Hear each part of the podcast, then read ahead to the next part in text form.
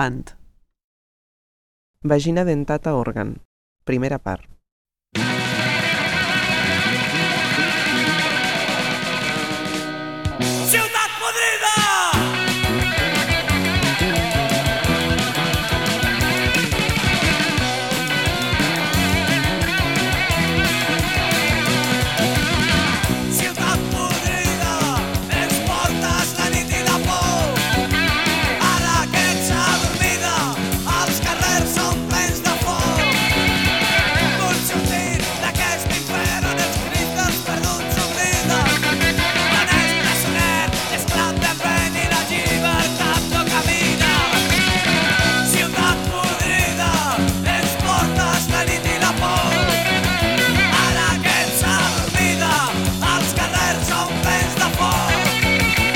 La banda trapera del Rio, doncs, a l'any 77, quan l'es- l'esclat del punk, doncs, Marc Valls, germà de Jordi Valls. eren, era un grup impressionant. No?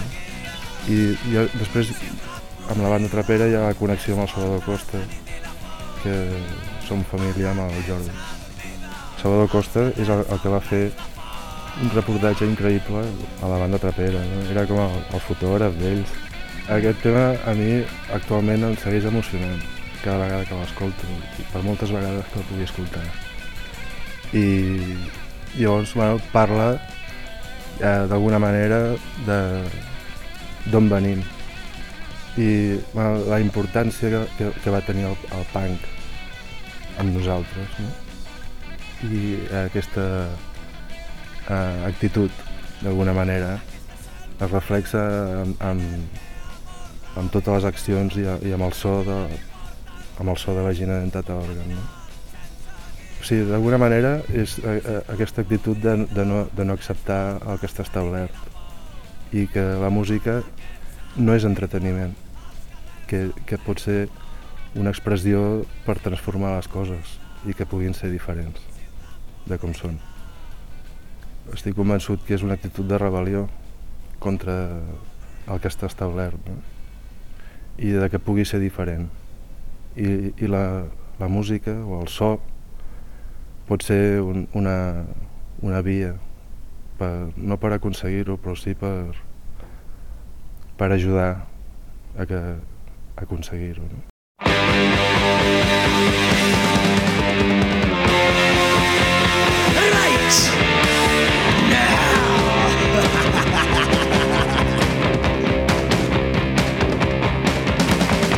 Meva perspectiva és que aquí s'ofegava i l'any 69 va fotre el camp.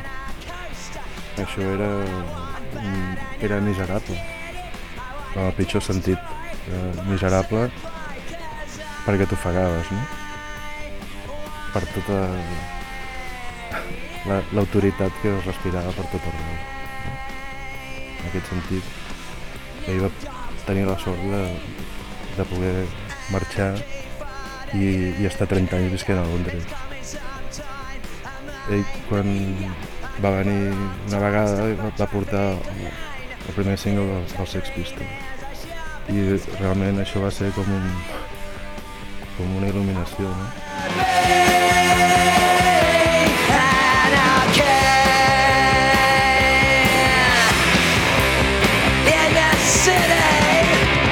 Aquesta ràbia expressada d'aquesta manera no? I, i tan clara, no sé, personalment ho vaig trobar fantàstic com tanta altra gent. No?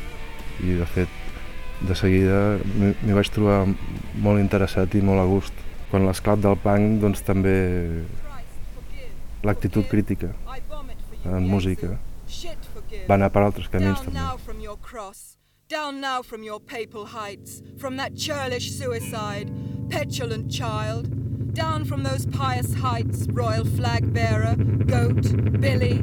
I vomit for you. Forgive, shit he forgives. He hangs in crucified delight, nailed to the extent of his vision, his cross, his manhood, violence, guilt, sin. He would nail my body upon his cross, suicide visionary, death reveler, rake, rapist, també venia del terreny de l'art.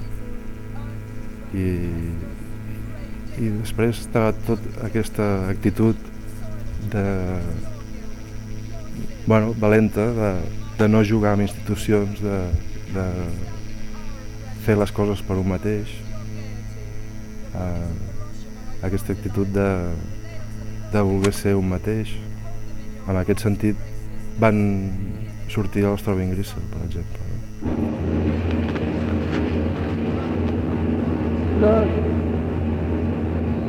Van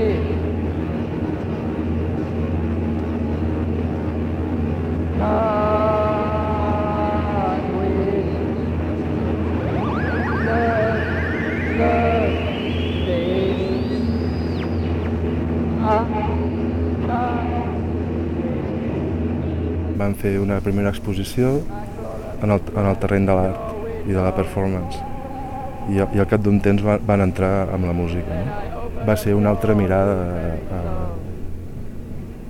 sobretot de, de llibertat, de llibertat absoluta i, i de la voluntat de cadascú per que les coses puguin ser possibles. No? En aquest sentit, doncs, eh, eh, Throwing Grisel i posteriorment Second TV o Chris and Cosey, Current 93, el David Tibet, els Whitehouse.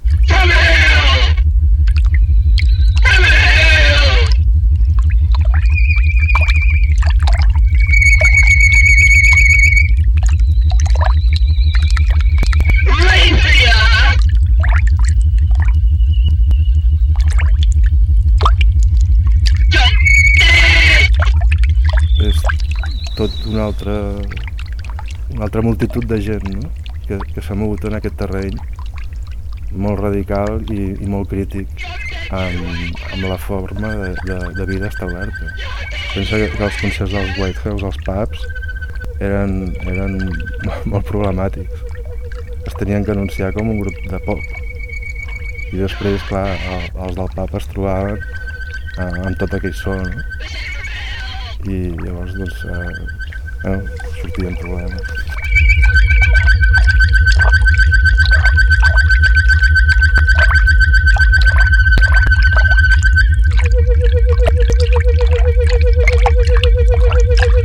Un amb, amb tot l'existent. No?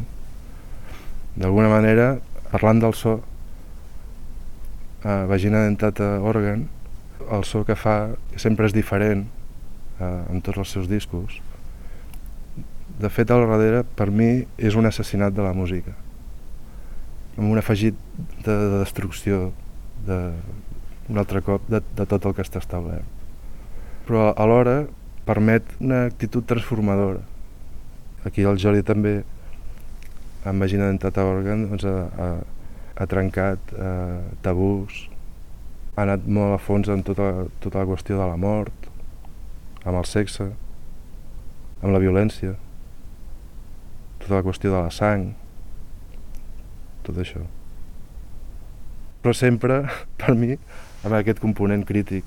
Jo, jo el veig, no? De, eh, I sobretot de, de, de ràbia, no? De, ve d'una tradició on, on, on hi ha ràbia, odi i ganes de canviar les coses.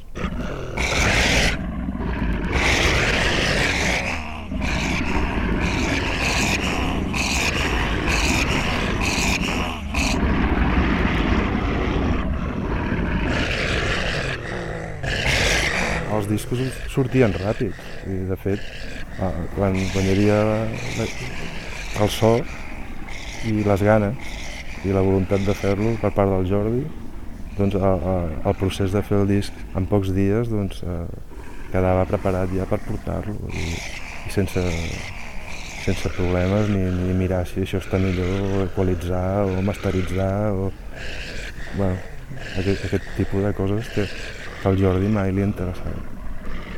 No li ha interessat com, com a actitud, perquè bueno, és aquest, és aquest eh, estat directe. No?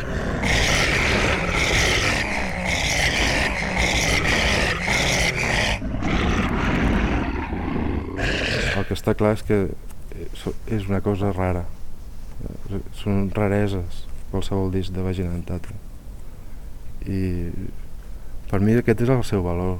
És un valor que no té preu, és la seva riquesa.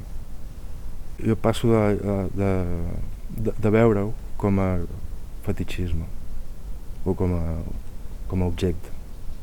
No ho veig així, però sí com, a, com una cosa estranya. Sempre tenen aquest punt bueno, radical, no? diferent.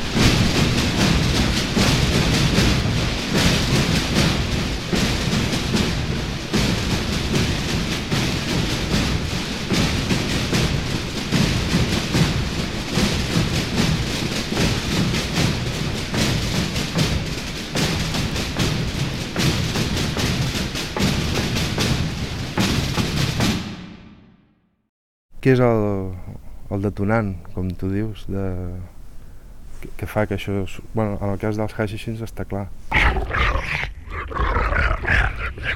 Precisament surt de quan els Psychic TV estaven gravant un, un disc per la CBS, amb uns estudis. El, el Jordi estava amb ells. Hi havia un, uns tracks gravats de, de gossos llop. I el, el Jordi, amb el seu entusiasme, doncs, li va comentar en el Genesis i- que ell faria tot un disc amb allò, no? Ja, ja el Genesis en aquest sentit doncs, el, va encoratjar i, i a partir d'aquí, doncs, no sé, en poc temps va, va treure el disc. En el cas de, del Jim Jones, que és el segon, doncs eh, aquesta relació amb el Monte Cazaza, no? Suposo que el Monte Cazaza parlant i tal, doncs li devia proposar el, el disc de Calanda doncs, hi ha aquesta connexió d'alguna manera amb el surrealisme i amb el Luis Buñuel i, i es va traslladar el, el, el Jordi a gravar-ho a Calanda, no? ja van coincidir amb el Julián Álvarez. En el cas de, de l'Eros i, i Thanatos doncs és, és un, un atac al mite, no? El mite de l'Elvis Presley i, el, i, el, i per un altre cantó el mite de, la Marilyn Monroe. No? I per un cantó són sons d'orgasmes i per altre cantó doncs, eh, de gent a punt de morir. Després el, el del Xen català és aquest, aquest altre joc amb el surrealisme també, no? Tota la qüestió de la Harley, tot el, aquest món outsider, no? De, del viatge. El viatge doncs, pot ser transformat en una qüestió de vida, de mort, de, de violència. I, i, i aquesta l'amistat amb l'Eliseu, que es coneixien de Londres.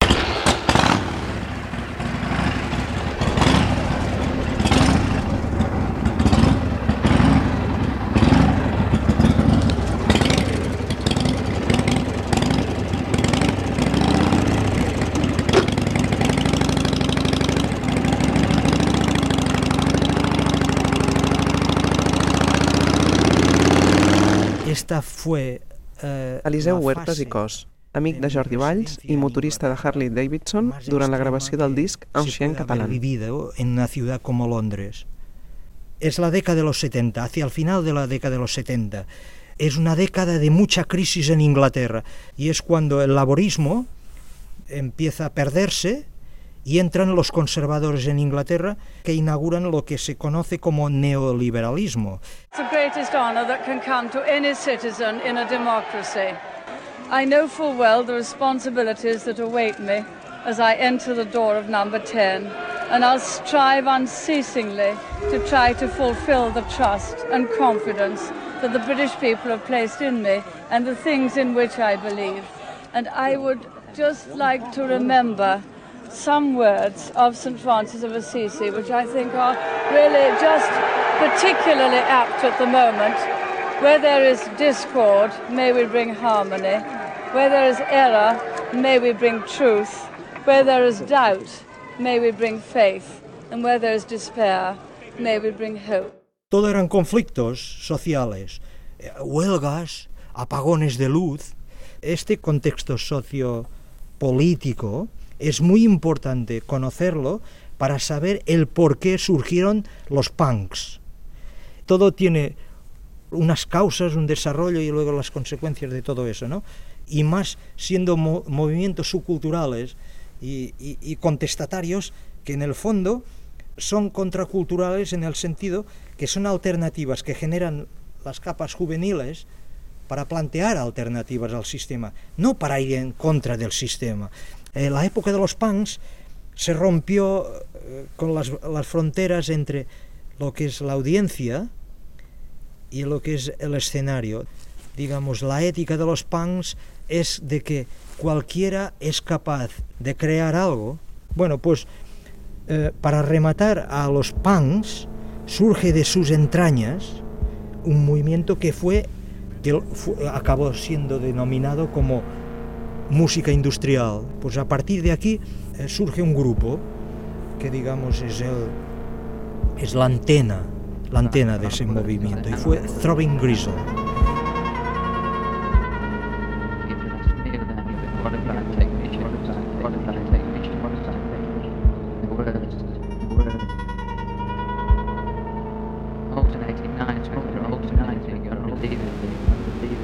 ¿Sabes la palabra que, que puede definir lo que estaba sucediendo en aquel momento? Era la palabra recóndito. Era, era, era una cosa, era, era incontrolable, era incontrolable.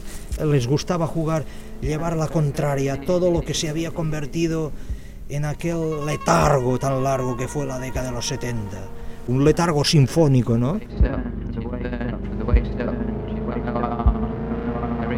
Y luego, ya dentro de ese movimiento, la autocrítica que había, eh, era un inconformismo tan, tan visceral, ¿no? tan, tan, tan rajatabla, que de allí tuvo que surgir esas entrañas eh, eh, extremos que se manifestaron iconográficamente o musicalmente, extremos, porque reflejan una situación extrema. El país estaba crispada hasta, hasta la médula, allí se estaba tambaleando el sistema, o, o o se derrocaba unos valores o ganaban los otros. Ha- Había esta especie de confrontación.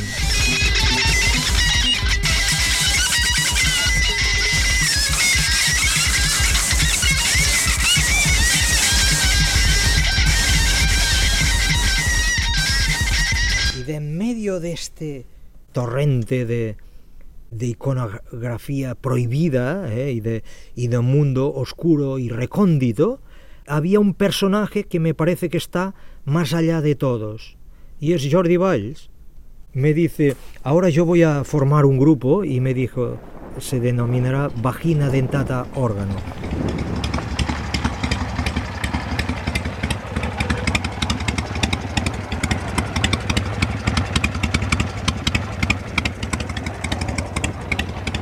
Eh, lo refleja eh, eh, los trabajos de Jordi Valls es, un ataque directo al letargo que siempre nos imponen, provocación para despertar a la gente. No era una provocación para dañar a nadie. Se, se estaba, eh, se estaba, en el fondo, ¿sabes que se estaba practicando? El papel de los iconoclastas que lo ponen todo al revés. Eh, eh, fue una época de iconoclastas que todavía viven por estos mundos. Pero sin iconoclastas, ¿qué sería el mundo?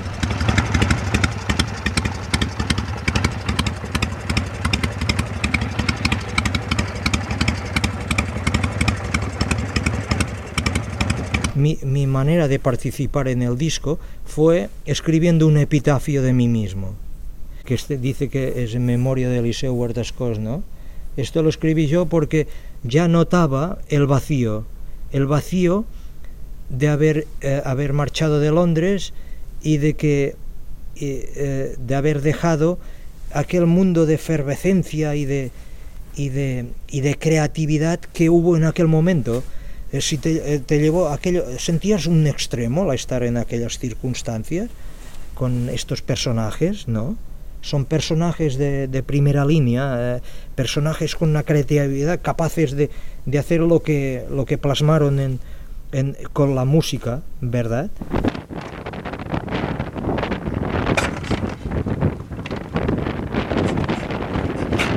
Utilizábamos la, la acústica natu natural de las calles, pero sin ser conscientes, sin ser conscientes de que había, existía esa acústica y más con el viento que hacía por la tramontana, ¿no? Me parece que sin gasolina hubiera, hubiera tirado igual con el viento, ¿no? Me parece que era el viento que nos llevaba aquel día.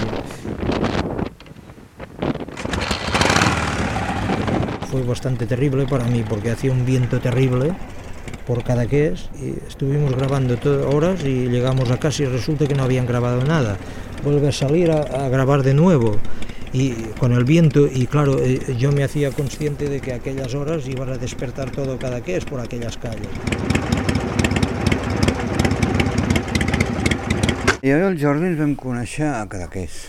Pau dir, Riba, jo- músic i escriptor. El coneixia, el coneixia com a, com a personatge, com a, com a artista, i, bueno, no, no me recordo exactament ni com ni qui, però recordo que algun dia algú que d'aquests em va dir, mira, el, el Jordi Valls, i ostres, noi, i bueno, de seguida vam, vam, ens vam fer molt, molt col·legues, molt amics, no? molt, i bueno, així és com el vaig conèixer i després doncs, ens, ens hem anat veient ell vivia encara a Londres eh? que passa que bueno, té, té una gran debilitat per Cadaqués i, i ell doncs, bueno, té, té una casa allà, té una casa a Cadaqués i, i aprofitava doncs, cada, cada estiu per passar tot el temps possible tot, tot el que li donava de, diguem, de vacances la seva la seva feina allà, que em sembla que treballava en una multinacional cafetera o una cosa així, no?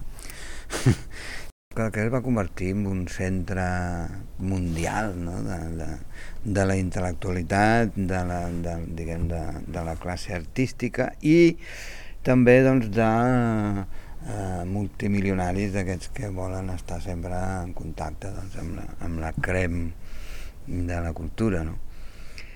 Però eh, jo crec que hi ha un, un, un element afegit importantíssim que és mm, bueno, que Cadaqués va estar a un tiro de pedra de Port Lligat. I Port Lligat doncs, hi havia allà la gran figura monstre de, del surrealisme que és eh, Salvador Dalí. I, i és un lloc molt potent també en aquest sentit, diguem, de, com a centre de, de, de, de l'art surrealista mundial, no? Tant ell com jo sempre hem tingut debilitat per, tant per Dalí com pel surrealisme i aquest és, també és un, és un altre dels, dels nostres lligams, vaja, el que ens uneix, no? paranoia critical method because it's one spontaneous method of knowledge based in the instantaneous association of delirious material. va ser molt més que un pintor i molt més que un surrealista.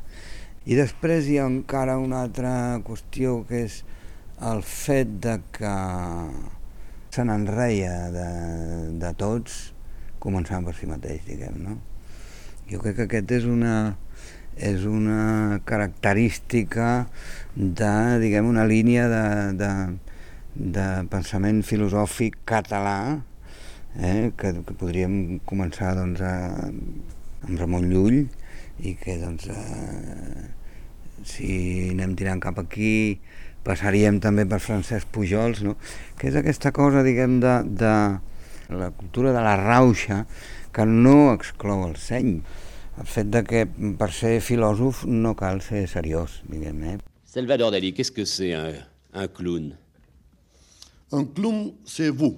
Bueno, el Jordi eh, resulta curiós i, i, i contradictori en aquest aspecte, no? Perquè, de, és a dir, si tu entres en la seva obra, t'imagines una cosa, després quan el coneixes, costa una mica d'entendre que aquesta persona és la mateixa que fa aquella obra, diguem, que realitza aquesta obra, no?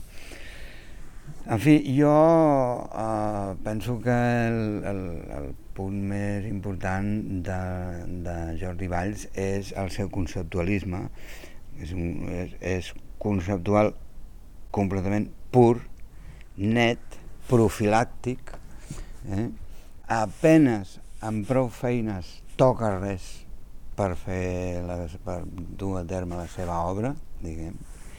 És a dir, que simplement amb documents nets tal qual, sense manipular de la vida real, munta, un, munta obres conceptuals de, de gran envergadura, diguem, de gran, de gran impacte de, de cara al públic, diguem, no? de cara al, al, al oient o, o el que sigui. No?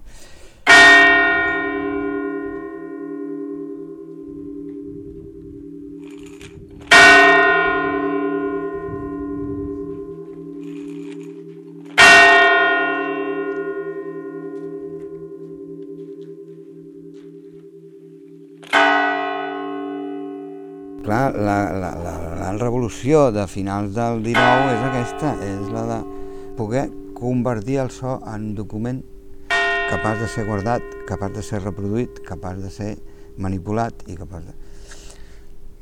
I en definitiva el que fa el Jordi és això, no? És a dir, a partir de documents sonors concrets construir la seva música. No, no tenim per què no considerar-ho música, això.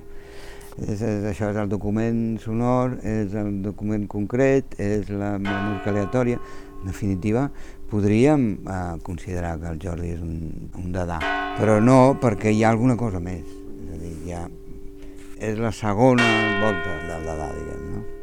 Té aquesta cosa també d'aquesta doble via expressiva que per, per una banda se'l pot considerar músic, però per altra banda és pintor i pinta amb la pròpia sang però que ningú es pensi que per pintar fa una sagnia ni hòsties, no, sinó que ell un dia a la setmana, un dia al mes, no sé quantos per poder regenerar se'n va a fer-se una extracció de sang i aquesta sang se l'enduia a casa amb un tub d'assaig, eh? un tub d'assaig, en aquest cas seria un tub d'art i assaig, ràpid perquè no se li coagulés i amb allò sobta molt aquesta distància gèlida que hi ha entre ell i la seva obra i entre ell i la realitat, diguem.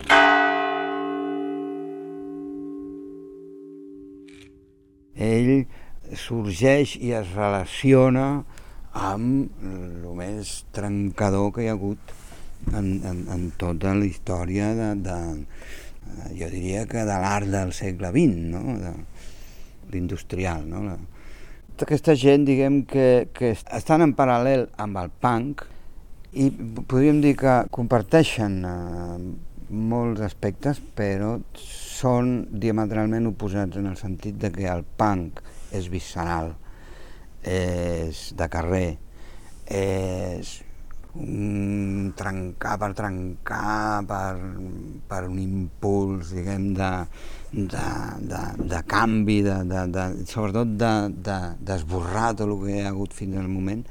I, i en canvi l'industrial són més intel·lectuals, més conceptuals, més universitaris, per entendre'ns, no? El punk va contra el rock and roll però assumeix tota la ritualitat del rock and roll, és a dir, els, els festivals multitudinaris, el vendre milions de discos, eh, bueno, participar d'aquest d'això, i en canvi l'industrial és tot el contrari, és vendre molt pocs discos per gent molt concreta i molt determinada, tal i qual, i a més a més amb una així com la, diguem, la, la cosa destructiva del punk és visceral, la de l'industrial és refinada, cerebral, pensada i diguem que eh, jo penso que són els, els iniciadors veritables iniciadors de, de la provocació, diguem, de la provocació. S'ha d'entendre de, també que tot això arrenca a Anglaterra, no?, amb la societat victoriana, no?, que la del te a les 5 de la tarda i, que no, no es. El 4 de enero de 1981, Peter Sutcliffe, mejor conocido como el destripador de Yorkshire, fue arrestado por los asesinatos de 11 mujeres en el norte de Inglaterra. Sutcliffe, un hombre muy seguro de sí mismo, esquivó a la policía durante cinco años. En realidad, Beatriz y yo estuvimos con Jordi en un par de reuniones con Paloma Chamorro en Madrid y... Paco Alvarado, periodista, músic i amic de Jordi Valls. Y pues eh, atando, terminando de atar los cabos del programa y tal. Entonces nosotros eh, íbamos a, le ayudábamos a Jordi en un par de cosillas que nos había a nivel logístico y luego también allí durante la performance, pues eh, eh, Genesis, pues claro, sabía, él era muy consciente que aquí en España no le conocía casi nadie, a pesar de que ya era un figurón en el underground. Eh, entonces eh, nos pidió un poco de, de- ayuda también en cuanto al público, estar ahí calentando la cosa.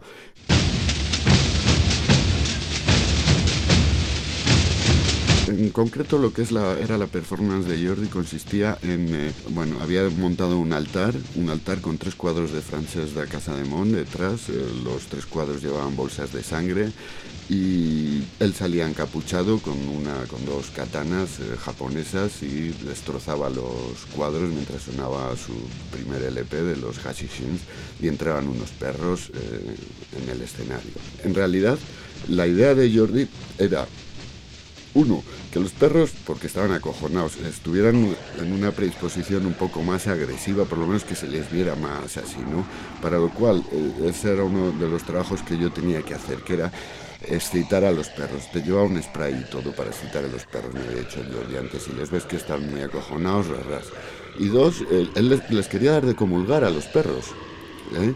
Esto es verdad, el Paloma Chamorro yo sé que luego se ha quejado y todo eso, y eso es cierto que a lo mejor no se le había comentado a ella, todo el resto lo sabía perfectamente.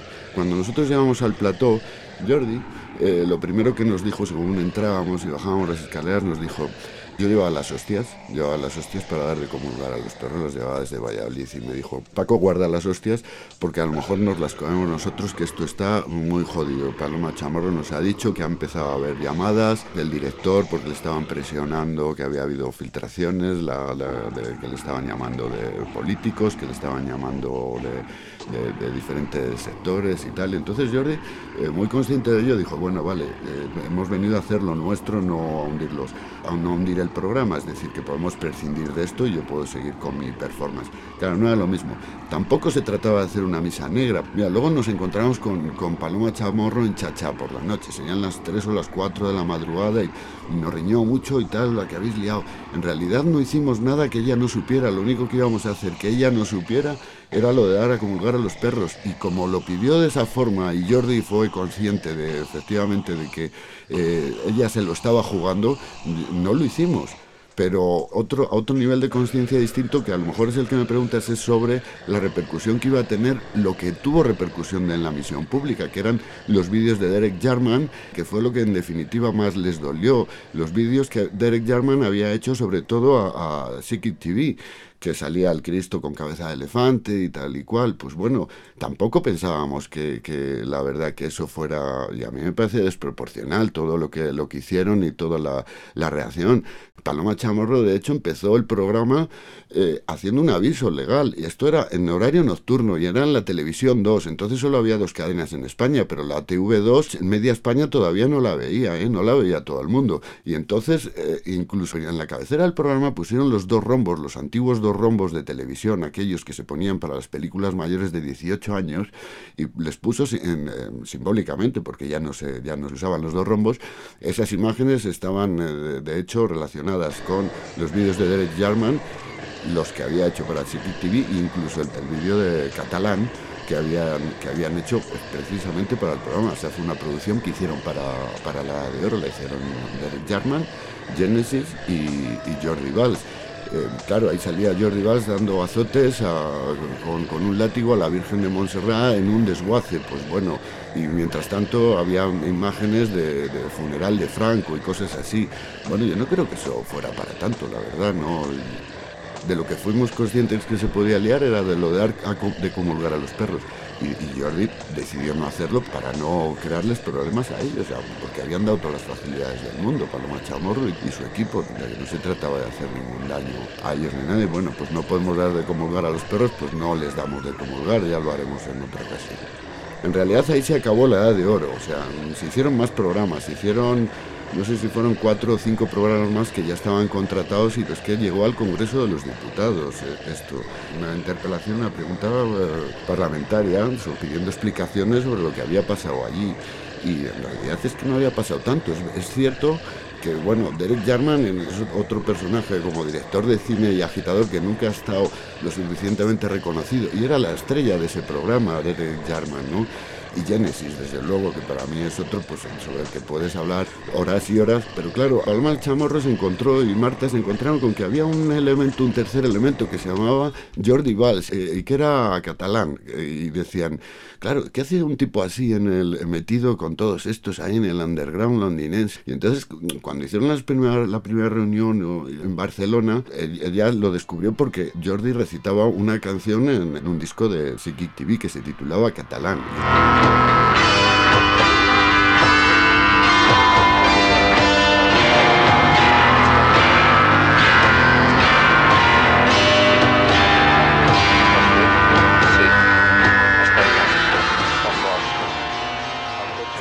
Que la hizo, pues eh, según estaban grabando el disco, Genesis tenía hecho el tema, que es un tema buenísimo además, y, le dijo, Jordi, no tengo letra para este tema, si te ocurre algo. Y entonces el Jordi se sentó, bum, bum, bum, bum, y en cinco minutos escribió la letra y le dijo, joder, pues ya que la has hecho, cántala tú.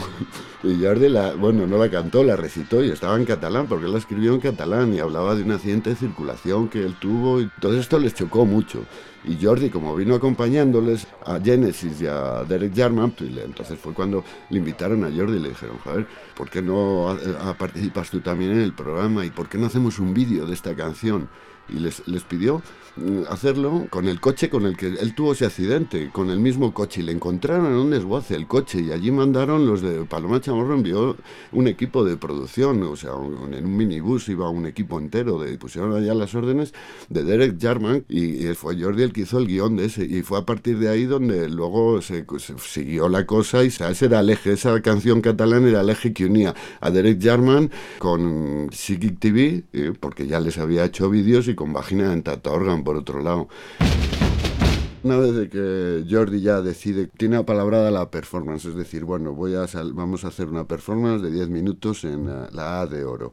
Estoy pensando, voy a montar el Staribel ahí con, una, con unos platos, pongo el, el hashishin, los perros, a la vez salen los perros, les doy de comulgar y mientras tanto...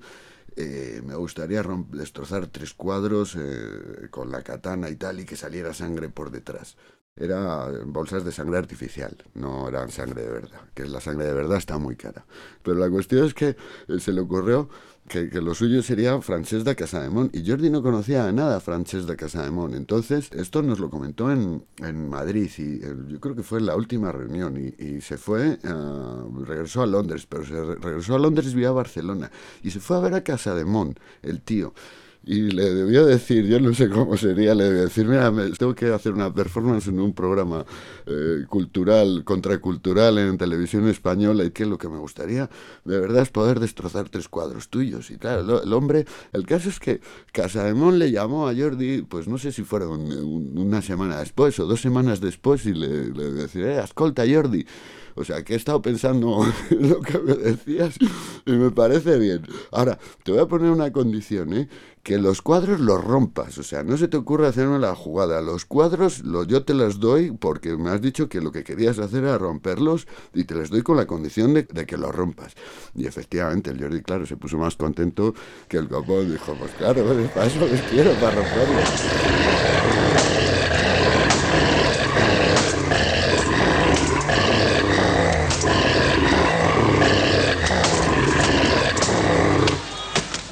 Realment no ens coneixíem. I llavors van passar 20 anys... Oh, Marc Viaplana, còmplice de Jordi Valls. I conèixer els discos, i això, però, però vaig tornar a veure quan ens van juntar no sé, 20 o 30 a un bar de Gràcia que van fer una, una repetició del concert de la Chamorro i em sembla que molts vam anar-hi per veure ell o per veure o per veure'ns uns altres. I a vegades quan busques això, una, una, una excusa d'aquestes que saps que hi anirà la gent que fa 20 anys que no vas, doncs era com, no sé, com, a, com a la filmoteca, com feien uh, Era Jorget, a Cabeza Borradora, que hi anaves només perquè ens, ens juntàvem els sempre i parlàvem. Eh, una, una, una, una de les coses que, que també ens ha juntat amb el, amb el Jordi va ser que quan ens vam tornar a veure fa uh, uns, uns anys, els vaig explicar que, que estava fent una sèrie de, de, de bombes Forcini, que és la, la mateixa que va explotar al Liceu el 7 de novembre de 1893, uh, 20 morts, 27 ferits, 12 torturats, 6 afusellats, un agarrotat, bueno, un, un desastre. Llavors, un dels, un dels, dels side projects de, de, de, de la bomba era un, un amic que treballa en cine, em va explicar que hi havia una, una forma de, de, de captar la sonoritat d'un lloc. O sigui, es grava un so i llavors pots aplicar aquesta reverberació amb un altre so que estigui en un altre lloc. Llavors la idea era gravar una explosió, a ser possible Orsini, però no sé com ho farem, gravar la sonoritat del, del Liceu i llavors tornar a posar la bomba dintre el Liceu, doncs cent i pico anys després, i tornar a fer un picture disc de, de, de, de vagina de, de, de, tot òrgan amb una hora d'explosions al Liceu. Però el disc, el, i sobretot el picture disc, és que era perfecte, el, perquè era, jugàvem diferents, eren, eren diferents mitjans. O sigui, era com una escultura que sonava. Ah, però de totes maneres l'important és la idea. I a la casa Jordi, doncs, les, les seves gravacions, ho diu ell, doncs són gravacions um, doncs, de baixíssima fidelitat i que no estan ni tan sols uh, pensades com per, per, per ser música ni, ni res, ni per ser sentides. Si no he fet cap picture disc en, en 20 anys, això, doncs perquè no l'he vingut de gust o, o perquè s'ha pres un ratet de, de, això, no, no, no hi ha pressa. A veure, això, això és, és molt diferent de, de lo que passava uh, punk i suposo amb tot a finals dels 70. Llavors tots tenien pressa, no sabien per què, però tenien pressa i sabien de fer coses. Però em sembla que el procés creatiu és una mica així. Ell no té, no, no, no té contracte per treure un disc cada any, això, això és el millor. O sigui, ell fa el que, lo, lo, lo que ha de fer i el que no ha de fer, tot junt.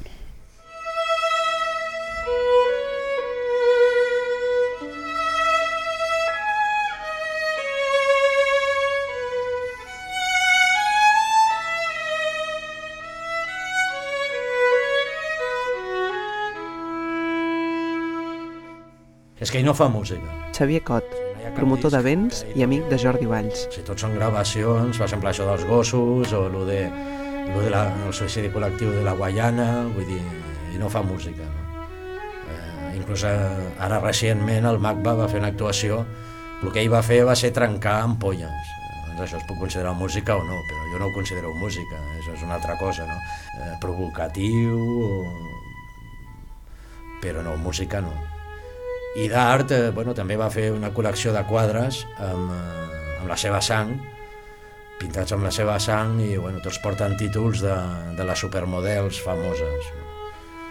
El que a mi m'interessa més de Vagina Dentata Organ és eh, que tot ho produeix ell mateix, i això ja estem parlant des dels 80s, que ara tothom ho fa, això, amb lo dels ordinadors, etc, però sempre ho ha fet ell així.